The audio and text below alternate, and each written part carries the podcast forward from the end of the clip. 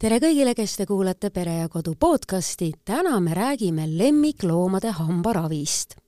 ja minu koer on päriselt käinud hambaarsti juures ja see, mis seal toimus, oli minu jaoks päris äh, huvitav ja, ja tekitas palju küsimusi ja täna me saame täpselt selle ala spetsialistiga sellest kõigest rääkida, mis lemmikloomade hambaravi puudutab mina olen Eve Kallaste, stuudios on külas Tartu Feliveti väikeloomakliiniku lemmikloomade hambaarst Edgar Tamp. tere, Edgar! tere! Edgar, ma kohe vaatan, et sul varruka vahelt paistab üks äh, looma nägu, et sa oled ikka päris äh, see looma nägu on tätoveeritud siis jah ja.? et sa oled ikka päris enda valdkonna fänn kohe, et Olen. see on selline uhke suur lõvi sul. jah, just mm. -hmm, imeline loom. võimaluse korral vaataksid ka tema hambad üle? jah aga milliste loomade hambaid sa tegelikult kõige rohkem oma igapäevases töös vaatad? igapäevases töös kassid ja koored valdavalt mm. -hmm. aga äh, kuidas sellega on, et kassil on pisikesed hambad, koeral on suured hambad, et äh, kas siis nagu äh, ühe, ühe hambad on keerulisemad ja teise hambad natuke lihtsamad? võib-olla tegelikult väga vahet ei olegi, et, et võib-olla siin mängib rolli, ütleme, looma nii-öelda tõug, ütleme, tõu piires on mõne tõuga natuke keerulisem sambaravi osutamine mm. -hmm. loodetavasti me selle teemani jõuame, kas sul ja. on endal ka lemmikloomi? mul on väike pisike armas Yorkshire terrier. no nii, lubab ta sul ka enda suhu vaadata ja hambaharjaga hambaid pesta? lubab. päriselt pesed hambaid hambaharjaga tal? pesen. algusest peale? algusest peale, vahepeal, kui lapsed sündisid, siis jäi see natuke sinnapaika. hakkasid laste hambaid pesema hakkasin hambaid pesema, just, jaa. aga kui me juba hakkasime rääkima sellest äh, lemmiklooma hambapesust, siis kui teadlikud üldse loomaomanikud sellest on, et ka loomade hammaste igapäevase puhtusega tuleb tegeleda? Õnneks see teadmine vaikselt eh, nii-öelda areneb ja levib, me võib-olla eriti just koerte omanike seas, kasside omanike seas veel väga mitte, aga, aga tõesti seda peaks või võiks vähemalt proovida, harjutada, teha, sest see on, ütleme, parim viis ja, ja, ja parim nii-öelda ravi, mis saavad loomaomanikud ise kodus selleks ära teha, sama, mis meie teeme enda hammastega. haigused on valdavalt loomadel samad, mis meil inimestel ja, ja, ja see ennetuse ravi täpselt samasugune mm. -hmm. aga kuidas see loomade hambapesu siis äh, tehniliselt välja näeb? et kas see on nagu väikeste lastega, et alguses on mingid kummiotstega väikesed või ja siis sa lähed alles päris hambaharja peale Jaa, või? just, see on tegelikult päris, päris tähtis, ma ei olegi soovitanud kohe nii-öelda võtta hambahari kätte ja hakka harjama, võiks sellised järk-järgulised üleminekud teha, et, et see nii-öelda protsess oleks võimalikult loomasõbralik, eks ju. sulle ma saan näidata näiteks, kui me võtame koera ette mhm. mm, -hmm. esimene samm on näiteks mõne looma puhul see, et me lihtsalt, ta laseb silitada oma nii-öelda seda koonupiirkonda. et ta ei hammustaks vastu ega midagi, kuidas seda laseb teha, teine variant on siis nii-öelda liigutada mokkasid siis ülesse. ühesõnaga, et ta lubaks sul sõrmedega enda suus sorkida, jah? sorkida, just. kuidas seda laseb ka teha, siis järgmine etapp võib täitsa julgelt olla seesama marlitutik, mille me paneme siis, ütleme, keerame ümber sõrme ja siis käime mööda hambaid ringi, selline võõras kangastruktuur käib mööda hambaid. see on puhas selline harjutamine praegu. et ta harjuks selle ebamugavust harjuks... või võõra tundega üldse ja, suus, jah? et, et jah, siis kui näiteks sellise asjaga ta laseb teha, eh, võib võtta täitsa, ütleme, väikeste loomade puhul, koerte puhul, kasside puhul eh, kõrvatiku pisike väike võõrkeha ja siis proovida mööda hambaid ringi käia vaikselt. kui nad seda ka tolereerivad, siis võib vaikselt minna hambaharja peale üle. ahah, miks alguses ei lähe hambaharjaga kohe, et siis on äkki saab mingi ehmatuse ja pärast ei ole nõus enam, jah? just, just, et, et niimoodi step by step üleminekud, et, et loom saaks harjuda, et, et see nii-öelda on meeletult tähtis, see nii-öelda sisseharjutamise periood, et on mõistlik teha nii-öelda sellised üleminekud järjest mm. -hmm. aga kui sa saad, ütleme, looma kutsika eas päris pisikesena mm, -hmm. ma kujutan ette, et siis on see protsess kuidagi sujuvam ja loomulikum mm, -hmm. aga inimesed ikkagi võtavad päris palju loomi ka varjupaigast, mis on ja. ju täiesti suurepärane, aga suur osa nendest loomadest ei ole absoluutselt harjunud sellega, et keegi kas ükskõik millega, marlitupsuga, vatitupsuga, hambaharjaga nende Just. suhu hakkab niimoodi minema ongi noh, kutsikaeas, ütleme noh, siis võib-olla isegi võib-olla kohati keerulisem, sest nad ei püsi purgis ja neil on nii huvitav kõik, et, et aga ikkagi, see on juba, siis võiks harjutada seda, et ta laseks hambaid vaadata. ja siis nii-öelda sealt edasi minna. kui meil on tegu, ütleme, vanema loomaga, tasub alati proovida, selge see on, ütleme, omaniku, nii-öelda loomaomaniku tervis kõige tähtsam, et ei saaks hammustada, peab seda jälgima, aga, aga kui on keeruline harjamine, me ei saa tõesti nii-öelda sellist regulaarset suune hügieeni kontrolli all hoida, siis on see koht tõesti, kus peaks külastama veterinaarstomatoloogi ehk siis hambaarsti mm. -hmm, jaa, meie Mille... näiteks oma koera hambakivi lasime küll puhastada hambaarstil. just, väga mõistlik, sest, sest ütleme, kui meil on inimestel hammastega probleemid mm,, tahame minna kontrolli, me lähme hambaarsti juurde, mitte perearsti juurde, eks ju. sama võiks ka kehtida tegelikult lemmikloomade puhul. Et, et ma näen täna oma praktikas, kuna mulle saadetakse palju kliente edasi, et tegelikult suunatakse edasi päris hilja et oleks pidanud või võinud juba tegelikult varem seda teha. et üldine teadlikkus võiks olla varem, parem siis võib-olla ka loomaomanike hulgas, aga võib-olla ka nende arstide hulgas, kes tegelevad mingi muu just, selle looma probleemiga. et vaatab on, suhu ka ja just, aga see on tegelikult juba suur võit, et suunatakse edasi nii-öelda spetsialisti juurde, et, et jah. Nonii, ehm, kui see koer on juba päris suur ja sa tahad harjutada talle, et ta oleks nõus selle hammaste puhastamisega, mulle tundub, et enne tuleb ikka see usaldus luua enda mm -hmm. ja, ja looma vahel, et kohe ei ole nii, et tood varjupaigast koera koju ja muudkui hamba, hambari kätte ja just, selle kindlasti võiks kasutada hambapastat, on ju, lemmikloomadele mõeldud hambapastat. kas nad võivad selle ära süüa? võivad, lemmikloomade oma võivad, inimeste oma ei tohi kasutada, see on mürgine neile, eks ju. Eh, lemmikloomade hambapasta eesmärk on valdavalt see, et teha see protsess maitsvamaks nende jaoks. see ongi justkui preemia, et eh, alati, kui harjutada ka harjamiskommet sisse, anda palju seda hambapastat, anda snäkke sealjuures, see on justkui tegelikult uue triki selgeks õpetamine. et eh, ja selline, kui me tahame harjutada, see võiks olla selline järjepidev, mitte nii, et nüüd täna teeme, võib-olla järgmine nädal kunagi, siis kuu aja pärast uuesti, et noh, üle päeviti võiks vaikselt harjutada mm. -hmm, mm -hmm. no eks selle järjepidevusega võib-olla nii nagu inimene enda puhul, eks jaa, ole. lihtne öelda, raske teha ja,. jah, jah, et kui sa ise oled järjepidev, et ilmselt on siis loomaga ka lihtsam, aga kui ei ole, siis on kuidagi teistmoodi.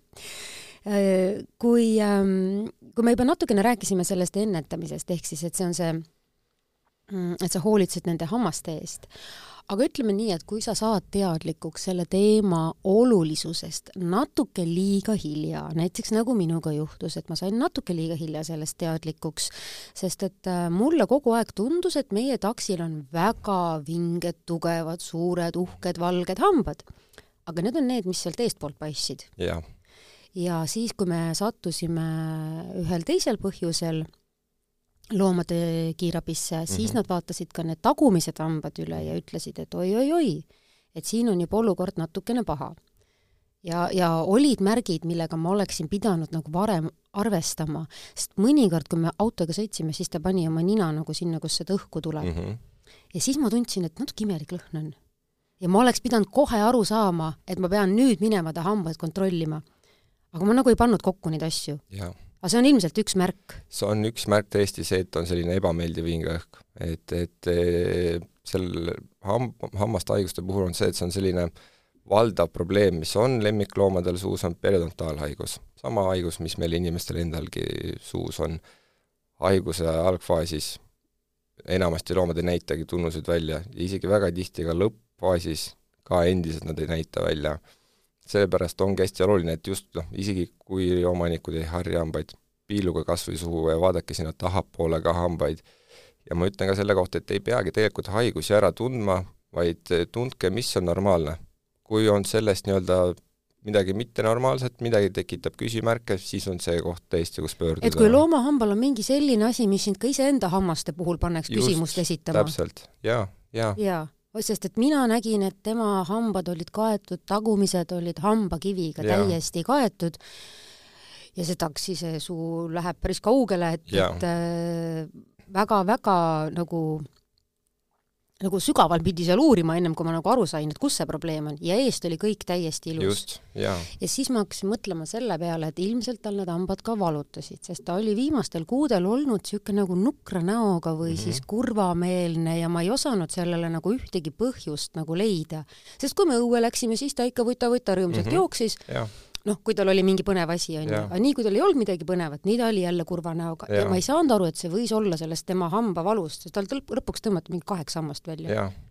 kahjuks jah, loomad on meeletud sitked tegelased ja nad on meeletud head valuvarijad, et, et eh, nende tunnuste lugemine on kohati keeruline, eh, noh, ütleme sellised sagedased tunnused, kõige sagedasem on tõesti see selline ebameeldiv hingeõhk. teine asi on see, et neil võib aeg-ajalt rohkem sülge suust tulla, keel, keeleots võib suust väljas olla mm,, eelistavad rohkem võib-olla pigem süüa pehmet toitu või, või söövad näiteks ühe suupoolega, et teine suupool on nii-öelda valulikum neil, siis eh, koonu näiteks hõõrumine vastu vaipasid või võõresemeid, diivanit ja nii edasi. ja täpselt samamoodi käpaga koonu kraapimine, see on ka selline päris sage tunnus ja mis on ka hästi tihti, on see, et nad lähevad toidukausi juurde, justkui tahavad süüa, aga ei saa, pööravad ümber, lähevad minema. see on mm -hmm. ka mhm. selline sage tunnus mm. -hmm. ma ütlen, ma panen kohe kirja endale et siis ma oskan pärast ise ka rohkem, rohkem jälgida edaspidise suhtes. et ähm, kui nüüd äh, minu koeral nagu seda hambakivi eemaldati narkoosis mm -hmm. ja see on loogiline, sest tal nagunii tõmmati välja ka hambaid mm, -hmm. aga ütleme, kui ei ole vaja hambaid välja tõmmata mm, -hmm. et mhm. kuidas siis toimub selline koera hammaste puhastamine, ta ei püsi paigal ju? E, tegelikult ega me ei saagi isegi puhastamist, me ei saa teha märkveolekus, noh, loogiline ka see, et me ei saa isegi võib-olla hambaid korralikult üle vaadata, kuidas me siis puhastame neid, eks ju, et see on ikkagi kõik narkoosi lugu, kui me tahame pakkuda sellist professionaalset, adekvaatset hambaravi, kõik on narkoosis kahjuks, et, et aga narkoosil ja narkoosil on jällegi vahe, et me alati ikkagi kaalume, nii-öelda see on selline patsiendipõhine lähenemine, et eh, nii-öelda ilmselgelt peab sellest nii-öelda narkoosist saadav kasutegur ehk ütleme, hambaravist olema ilmselgelt üle võimalikest anesteesiariskist, eks ju kui see nii oleks, muidu me üldse ei teekski, on ju. et, et äh, alati kaalume seda, kui, kui me näeme, et äh, meil on näidustust teha, siis me ka teeme, et, et ja ka nii-öelda narkoosil ja narkoosil on vahe, et me püüame alati nii-öelda teha võimalikult ohutult ju igat narkoosi, vajadusel teeme enne anesteesiat täiendavad lisauuringud, et äh, kõik käib narkoosis kahjuks praegu, kas ma lugesin välja sellest äh, sinu vastusest, et äh, kui läheb loom tõenäoliselt siis narkoosiga mhm. hammaste parandamise operatsioonile või siis puhastamise, siis talle ikkagi tehakse enne selline põhjalik üldtervise ülevaatus? kindlasti, see on ikkagi ju kõige alus, et, et pimesi me ei hakka selle, noh, ühtegi narkoosi tegema.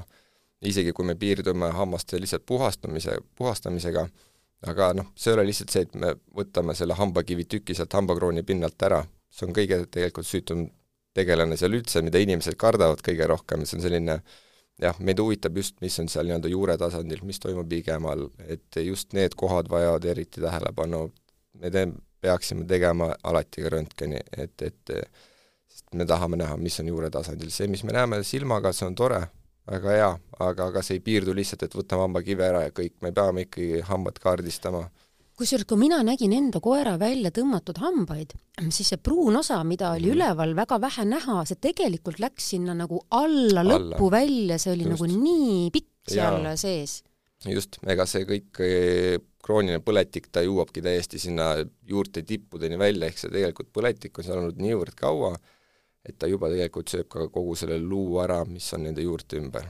nii et ta lõualuud hakkab siis nagu hävitama juba? põhimõtteliselt küll just seda luud, mis on nii-öelda ümbritseb hambajuuri mm. -hmm. no meil on päris eakas koer ka, et äh, õnneks tema tervis oli, üldtervis oli nii hea, no mitte liiga eakas, taks on meil üksteist umbes mm, -hmm. et tema üldtervis oli nii hea, et, et talle sai kõik need hambaprotseduurid ära teha ja, ja ta taastus sellest ka väga hästi mm. -hmm aga näiteks äh, meie eakas kass, kes on umbes seitseteist, et tema hambad on ka nagu üpris nirud, aga hambaarst vaatas ta hambad üle ja ütles niimoodi, et need talle nagu ei tee igapäevaselt nagu muret. Nad on lihtsalt vana kassi hambad, mis võib-olla näevad natuke liiga kollased välja. Mm, -hmm. aga et kuna kass on nii eakas, et siis äh, võib-olla ei, ei teekski temaga nagu midagi, et lihtsalt tuleb anda talle nagu sobivat toitu. et ilmselt siis on nii, et noh, nagu sa ütlesidki, et kuskilt maalt on see, et, et kas sellele loomale on mõtet narkoosi teha just, et eh, me peame tõesti mõtlema patsiendipõhiselt seda ja nagu sa ütlesid, eh, nii-öelda peaks loomale andma õiget toitu. see on ka see nii-öelda põhjus, mis inimesed arvavad, et eh, ütleme, me anname ju ka-, koerale või kassile krõbinaid, et see peaks hambaid korras hoidma. me anname ju neile närimiskonti, me anname neile mingeid toidulisandeid mm,. Need on kõik toredad asjad tõesti, aga äärmiselt roosad prillid peavad olema, et arvata, et need hoiavad hambaid korras, sest meil inimestelgi ei ole olemas seda imenärimismaiust või imetoitu, mis hoiab ju hambaid korras, eks ju. et, et see on ka see põhjus tegelikult, mis ei pea paika, et see väide, et see hoiab hambad korras, ei hoia. et tõesti, hammaste ärimine regulaarne, kui seda on raske teha, siis tõesti sõltuvalt loomast vaja, vajadusest, kord aastas on minu soovitus alati olnud näidata veterinaarstomatoloogile hambad ette, kui on kõik korras, suurepärane, lükkame asja edasi, kui me näeme, et juba hakkab asi nii-öelda vajab sekkumist, oluliselt loomasõbralikum on neid asju ennetada, teeme kiire lühike narkoosi, puhastame hambad ära, vaatame hambad üle, vajadusel teeme röntgeni sinna juurde, korraliku diagnostika ja asi sellega ka piirdub. lühem narkoosiaeg, ehk meil on väiksem nii-öelda risk tüsistuste tekkeks mm,, vallutum taastumine, ja ka ütleme, mis on nii-öelda, mõlemad on siis ju loomasõbralikum lähenemine ja kolmas asi ka rahakotisõbralikum lähenemine, sest ennetus on, on odavalt, oluliselt odavam kui, kui rahakoti nii-öelda sõbralikum, kui, kui pärast tegeleda nende tagajärgedega. Ja, ja selle arve ma sain ja nende tagajärgede arve ma sain et seda ma mäletan veel tükk aega. aga mm, Veliveti kliinik on Tartus, nii et ma kujutan ette, et äh, tegelikult nagu sinu juurde jõuavad vist kõik Lõuna-Eesti loomad või, või, või lausa Põhja-Eesti omad ka, jah? ei, kõik ei jõua, meil on Tartus ka äh, veel, veel, veel suurepäraseid spetsialiste, aga, aga jaa, tuleb üle Eesti ikkagi, et äh, tuleb igalt poolt. Nonii, muidugi on inimestel kõiksugu lemmikloomi, on koerad, on kassid, meil on tuhkur ka näiteks, ma ei ole oma tuhkuruga veel hambaarsti juures käinud, kas peaks mm.? võiks käia, mul on just järgmine nädal tuleb äh, tuhkur, et, et tal on tegelikult murdunud hammas üks, mis, mis, mis on põletikus ja vajab vajab kahjuks eemaldust mm. -hmm. aga tuhkur on ju niisugune pisikene nagu kassipojakene, et äh, eks see on, ma arvan, niisugune paras nokitsemine sul äh, ega, ega see ongi, ega hamba, hambaravi ei olegi selline, et paneme tangid külge, tõmbame hamba välja. enamasti me ikkagi tegelikult eemaldame suurema osa hambaid kirurgiliselt, ehk, ehk see ongi selline aeganõudev ja, ja, ja, ja paras nokitsemine, nagu sa ütlesid mm. -hmm no mõnes mõttes võib-olla isegi natukene rohkem nokitsemist kui inimeste puhul, mu lapsel tõmmati eile tarkusammas välja, krõks ja väljas tõesti, vahest läheb ka nii, vahest on nii, et tõesti et kaevad seal sees? kaevad, just. jaa, äh, kui äh, inimestel äh, on hambaaugud, siis ma eeldan, et loomadel on ka hambaaugud, kusjuures ma enda loomadel näinud ei ole hauke mm, -hmm. ma nägin neid hambakivist tulnud kahjustusi mm. -hmm aga kas neid plommitakse ka? põhimõtteliselt eh, hambaaugud on seotud inimestel ju kaariasega, eks ju. Mm -hmm.. lemmikloomad, suhteliselt harva esineb nii-öelda haigus, kassidel väga-väga-väga harva, koertel teatud hammastel võib esineda, loomulikult me plommime, eh, ütleme, plommime nii kaariase puhul, samasugune ravi, ja, ja, ja ütleme ka murdunud hambad, kus me saame plommida teatud olukorras teeme valdavalt kõike, mis, mis tegelikult inimeste puhulgi, sealhulgas juureravi ja nii edasi. nüüd mul tuleb korra meelde, et meil üks sõber Amstaff murdis ära ühe oma kihvakese ja ta on mm -hmm. ise veel päris noor, et mis siis saab, et kas siis jäetaksegi murdunud kihv äh, või siis ehitatakse sinna see üles, see, kuidas see käib? Sõltuvalt, mis on, ütleme, omaniku ootused ja lootused, mis nad soovivad, kas nad soovivad, ütleme, tõesti hammast nii-öelda säilitada, siis jah, me peame tegema kas juureravi ja, ja, ja nii-öelda üles ehitama selle hamba, eks ju, või, või kui nad ei soovi säilitada, mm, siis on enamasti ikkagi eemalduse rida, sõltuvalt nii-öelda hambamurru tüübist ka et seal tuleb teha siis selline kompromiss nagu meditsiinilise ja esteetilise lähenemise no just, jah, jah, jah, et seal on omad nii-öelda plussid ja miinused justkui, eks ju, et, et eesmärk on ju tegelikult, kui hambaarstina neid hambaid säilitada, ravida, aga, aga mm, lemmikloomade puhul see vahest ei ole nii-öelda kas realistlik või võimalik mm. -hmm. et kas see on ka, et, et nende see haare on lihtsalt nii tugev, et see, kui ehitada üles mingi hammas, et Just. see lihtsalt ei kesta ja,? jaa, jaa, sõltub täitsa hambast, aga on, see on ka tegelikult probleemiks, jah, võib-olla.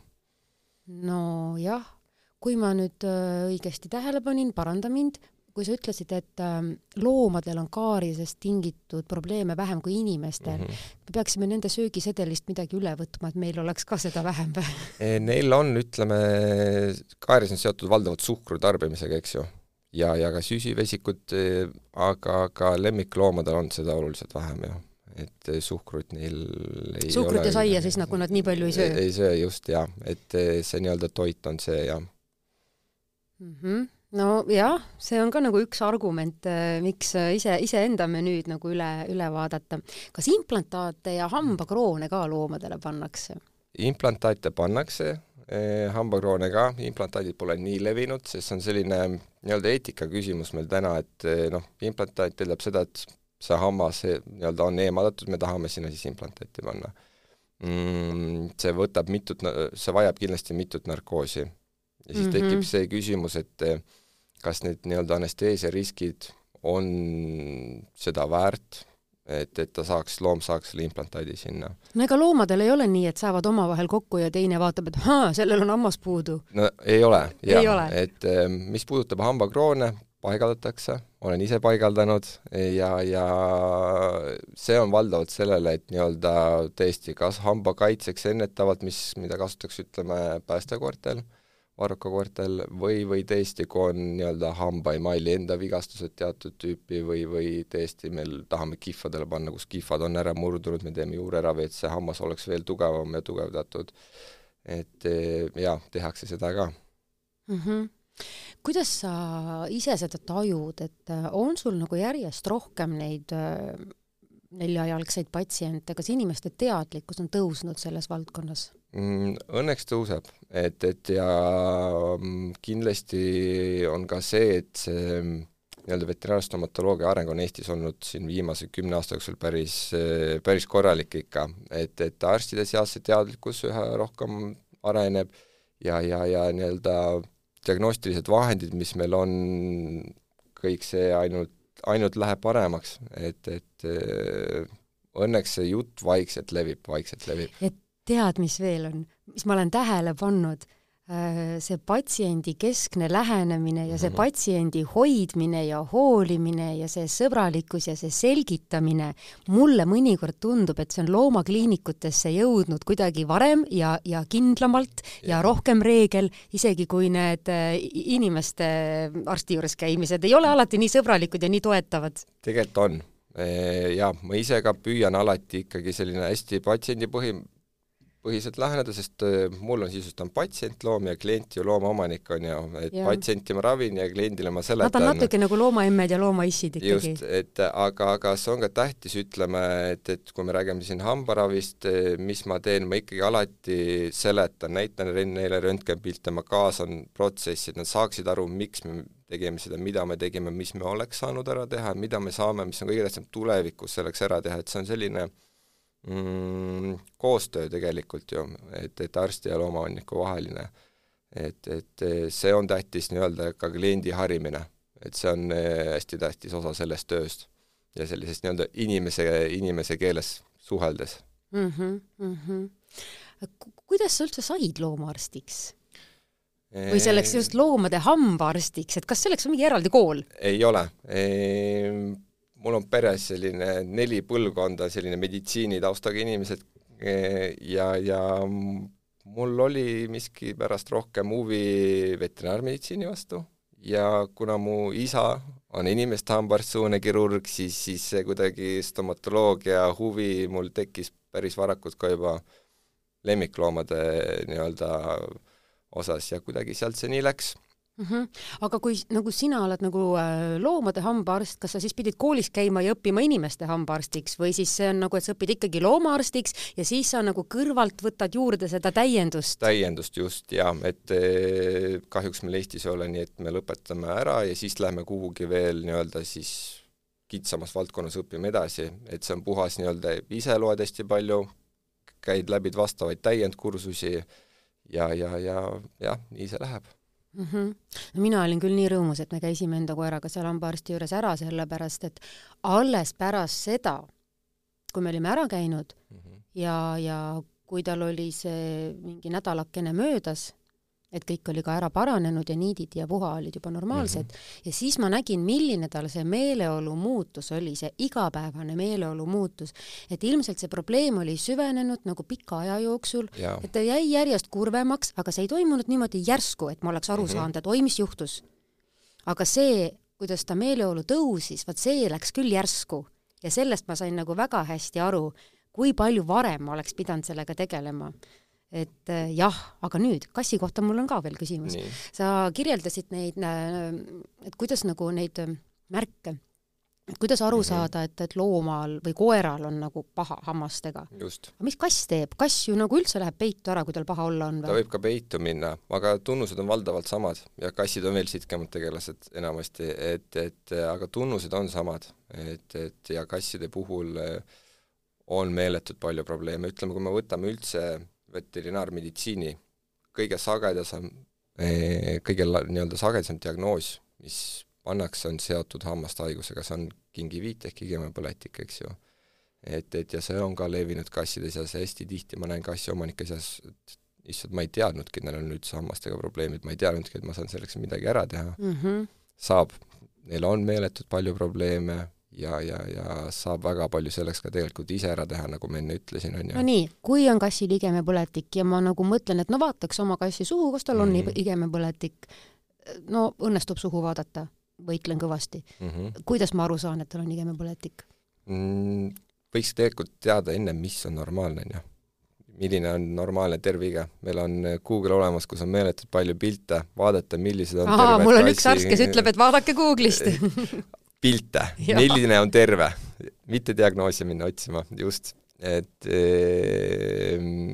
vaadake, millised on terved igemed ja, ja, ja siis vaadake endale omale suhu. kui on mm -hmm. tõesti, ta peaks olema normaalselt niisugune ilus roosa, lõheroosa. ja mitte paistes? mitte paistes ja mitte punane. et ja tegelikult igemepõletik on selline periodontaalhaiguse selline algstaadium, see alati eelneb sellele see on see koht juba, kus me peame tegelikult midagi tegema. et, et kui me lihtsalt laseme sellel asjal marineeruda, siis asi ka tegelikult süveneb mm. nii kaugele, et see võib tõesti lõppeda juba sellega, kus me ainukeseks raviks on hammaste eemaldused. oled mõelnud selle peale ka, et need ähm, loomade üldarstid võiksid ka saada võib-olla rohkem infot selle kohta, et mida nagu teada loomade hammaste seisukorrast, sest tegelikult näiteks minu koer kohtus enne mitme arstiga mm, -hmm. enne kui üks arst ütles, et noh, selle koeraga tuleb küll kohe hambaarsti juurde minna, aga eelmised näiteks ei öelnud. see ongi see, et äh, jah, see see info võiks jõuda omanikele, võiks rohkem nii-öelda, kui tehakse, vaadatakse looma üle, see võiks ikkagi haarata ka suud et käid küüsi lõikamas ja vaat-, lased hambad ka ära vaadata? jah, no põhimõtt-, põhimõtteliselt jah. mina käin loomaarsti juures küüsi lõikamas, ma ei saa ise hakkama ja. ja seal me teeme ka seda neljakesi ja siis ma maksan ka selle eest veel jaa e, jah, see tegelikult on ka loomaarstide pool, et ma näen seda, et see võiks tulla varem, nii-öelda see edasisuunamine, et aga, aga meil on edusammud ikkagi, on, et ei saa kõiki loomaarstide kraesse panna, sest meid ju õpetatakse tegelikult kõiki valdkondi, me peame kõigest kõike midagi teadma. nagu perearstid? nagu perearstid sisuliselt ja, ja, ja kes siis soovib, siis see läheb nii-öelda oma, oma nii-öelda kitsama erialaga edasi. räägime natuke sellest ka, et milline toitumine on loomahammastele hea mm,? toitumine, e, jah, jällegi, ei ole ime-ime toitu, mis hoiab neid hambaid korras, eks ju krõbina söömine on võib-olla nii-öelda eelistatum, sest ütleme, kui krõbinat loom närib, siis on selline mehaaniline justkui hambapinna puhastamine, teine asi on ka see, et närimise käigus vabaneb rohkem sülge suhu. siis ta nii-öelda puhastab suud paremini e,. Nii-öelda hammastele tervislikud sellised närimismaiused, noh, konte ma ei ole kunagi soovitanud anda, need ei ole hammastele tervislikud, need lõhuvad hambaid, tekitavad ka teisi terviseprobleeme, eks ju. Ja võib kasutada teatuid toidulisandeid, mis nii-öelda puudutavad eh, hammaste tervist, aga jällegi toidulisandite kasutamine on selline suurepärane, kui on võimalus neid kasutada paralleelselt nii-öelda ikkagi hammaste harjamisele. tõesti on, mõned tooted tõesti, nad võivad toimida, mõni ei toimi mitte midagi, mõni võib-olla parandab natuke sellist hingeõhku Mm, no aga ta natuke võib-olla varjab probleemi. ja see ongi tegelikult selle, selle miinus, et ta võib varjata, anda sellist justkui vale, vale positiivset tunnet inimesele, vale turvatunnet, et, et, et jah, aga ei ole olemas sellist hammastele toitu, mis hoiab neid asju kõiki korras. samas laste puhul on sellist lähenemist ka, nende hammaste huvides, et hoia siis neid pause söögiaegade vahel, et ta kogu mm -hmm. aeg ei sööks. no tõesti, meil on tegelikult kogu aeg on see krõbinakauss sees mm. -hmm. meil ei ole koeral ega kassil ülesöömise kommet, nad on mõlemad mm -hmm. väga saledad. et teil on see krõbinakauss on kogu aeg ees, juhul kui nad peaksid nälga jääma mm, -hmm. ja siis äh, toortoitu nad siis saavad äh, mm -hmm. aeg-ajalt. aga kas ma peaksin selle krõbinakausi ka ära võtma, et nad vahepeal ei sööks või? Tegelikult ei, ei pea uh. -huh. mina, mina ei näe siin mingit seost sellel omavahel, et eh, loomade puhul mitte. et ei ole nii, et joo vett ja, ja ära kaks tundi vastavalt, midagi söö? vastavalt harjumusele, mõni õpetabki loomale nii, et noh, hommikul tuleb kauss ette ja õhtul mõnel ongi päev läbi ees, et, et eh, selle koha pealt eks ta vist sõltub sellest loomast ka, et kas ta sööb kõik ära, mis ta üldse näeb kuskil. no just, mõni on selline tolmuimeja, et nii kui ette tuleb, kaob kohe kauss tühjaks, et, et eh, mõnega on nii, tõesti kui, äh, kui pere võtab enda pereliikmete hulka ka ühe äh, karvase neljajalgse lemmiku, siis millal ta peaks esimest korda oma lemmiku hambaid üldsegi arstile näitama? see võiks toimuda,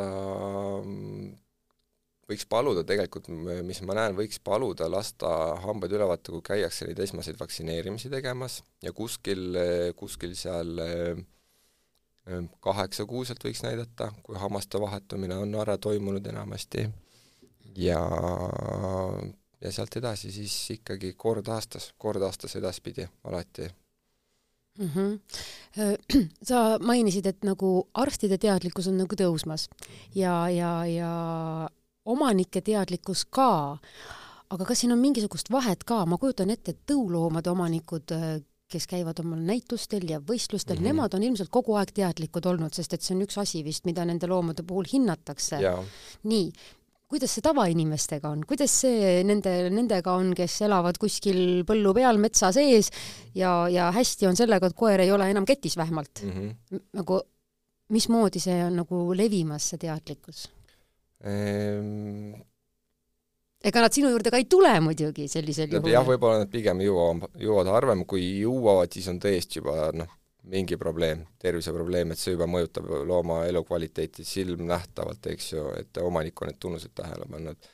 aga jah, need nii-öelda maakoerad, kes elavad seda õnnelikku koeraelu seal, ega nendega võib-olla jah, keda võib-olla ei näegi seal võib-olla isegi iga päev, on ju, eks nendega võib-olla ei satuta nii palju arstile mm. -hmm. regulaarselt niimoodi igaks juhuks lähme vaatame üle võib seda nii ka öelda, et kuna loomade meditsiin ja nende toitumine ja nende elutingimused, see kõik on nii palju parem, nad elavadki kauem, mhm. pikaealisemaks, ehk siis need ealiste isa, iseärasustega seotud hambaprobleemid siis ka tulevad fookusesse? tulevad fookusesse just, sest ütleme, tänu veterinaarmeditsiinile on ka, ütleme, looma eluiga on pikenenud ja, ja, ja ütleme, päris tihti on nii, et tavaliselt kui jõuab see loom mulle vastuvõtule, ta on juba vanemapoolne ja, ja siis siin on ka hea kõrvalmärkus, kindlustust sa enam ei saa nii hästi siis?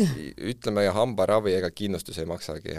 et, et aga, aga jah, tihti on, et loomad on juba eakamad, aga see ei ole alati üldse reegel, et, et et ütleme, mis on täna populaarsed, sellised mini- ja toitõugu koeratõud, noh, nendel on tugev eelsoodumus hambahaigustele ja, ja nendega noh, omal, omas käes ka on palju tõesti näiteid võtta, kus, kui nad on juba siin juba paariaastased, me oleme juba eemaldanud täiesti seal kümme, viisteist, kakskümmend hammast isegi, et see olukord on tegelikult tõsine.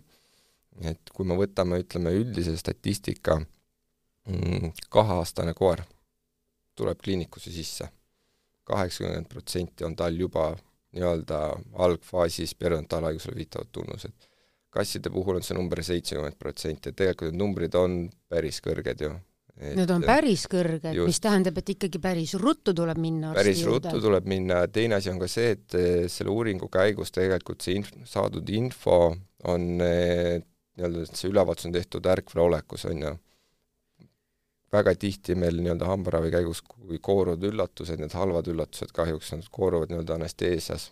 Kui loom on meil laua peal narkoosis, meil on röntgen tehtud ja, ja kõik hambad kaardistatud, raviplaan koostatud seal tuleb veel rohkem neid üllatusi välja, seega tegelikult arvatakse circa üheaastaste loomade seas üheksakümmend protsenti võib see tegelikult hammashaiguste levimus juba olla, et nii et see ei kõrge... ole see küsimus, et kas see juhtub minu loomahammastega, vaid millal? võib-olla isegi jah, tõesti väikeste koerte puhul, nagu ma ütlen, seda ma ütlengi täpselt samamoodi, et see ei ole see, et kas see juhtub, vaid see, millal see juhtub, et kui omanikud ei tee selleks midagi, kui ei käida regulaarselt kontrollis ja puhastamas hambaid, siis, siis see kindlasti juhtub, on tõesti üksikuid erandeid, on üksikuid erandeid, aga nagu inimestelgi tegelikult, et väga individuaalne, mõni teeb hammaste jaoks kõik, ikka hambad lagunevad, on probleemid, mõni ei tee mitte midagi, on jumala korras, eks ju, et, et sama ka lemmikute puhul, aga, aga jah eelsoodumusega loomade puhul, neil on muresid tõesti, et eh, ja pigem tuleks seda asja tõesti võtta nii-öelda noh, pigem tõsisemalt, et, et sest noh, hammas tuleb üks kord ainult. kui sa ise ka mõtled, kui halb sul on olla, kui sul hambad valutavad, siis su lemmikul on ju sama halb, eks ole? on, on ja tegelikult nüüd nii-öelda ravimata jäänud haiguste tagajärjel mm, võib palju, palju pahandusi tekkida, palju tüsistusi, et, et äh, alates äh, tõesti sellest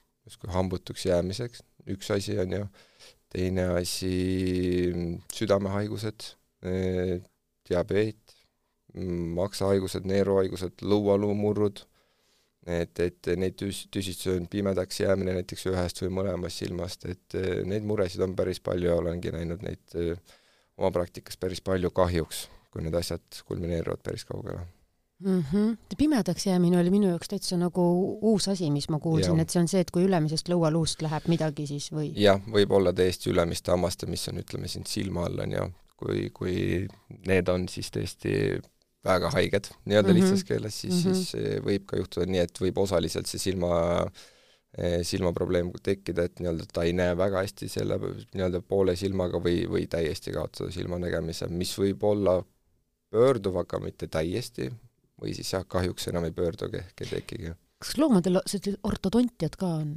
on mm, -hmm. jaa. aga on. on mingisugused tõud ka, mis seda nagu rohkem vajavad ehm,? on, aga sellega on ehm, mm, kuidas ma nüüd ütlen. Mitte nii väga breketid kui liigsete hammaste eemaldamine? jah, siin ongi selline, et eh, sõltub arstist. nii palju, kui on arsti, ka arvamusi selle nii-öelda ortodontia koha pealt samamoodi, et, et eh, pannakse breketeid, seda kõike päriselt või? jah, jah, seda tehakse. aga, aga mingites olukordades minnakse võib-olla natuke liiga kaugele see raviga. ma kohe kujutan ette, kuidas kaks koera saavad kokku, oo, kelle juures sina briketit panid ja, jah, et eh, ja kui nad vaid naerataksid, aga see ongi, see on selline võib-olla üks keerulisemaid teemasid selle hambaravi puhul. kas see on tihtipeale rohkem nagu omanike huvides, mitte niivõrd koerte siis või? võib-olla on see teema, et eh, omanikud tahavad võib-olla selliseid tulemusi saavutada, mis ei ole just kõige loomasõbralikum, et eh, see, kõik see ravi, et, et see on, siin on tõesti võib-olla just tõesti need nii-öelda aretusloomad, tõukoerad, kus need ootused on ebarealistlikult kõrged. et mm -hmm. tuleks ikka mõistlikuks jääda? võiks mõistlikuks jääda, aga jah. jaa, jaa. Aga muide, sinu enda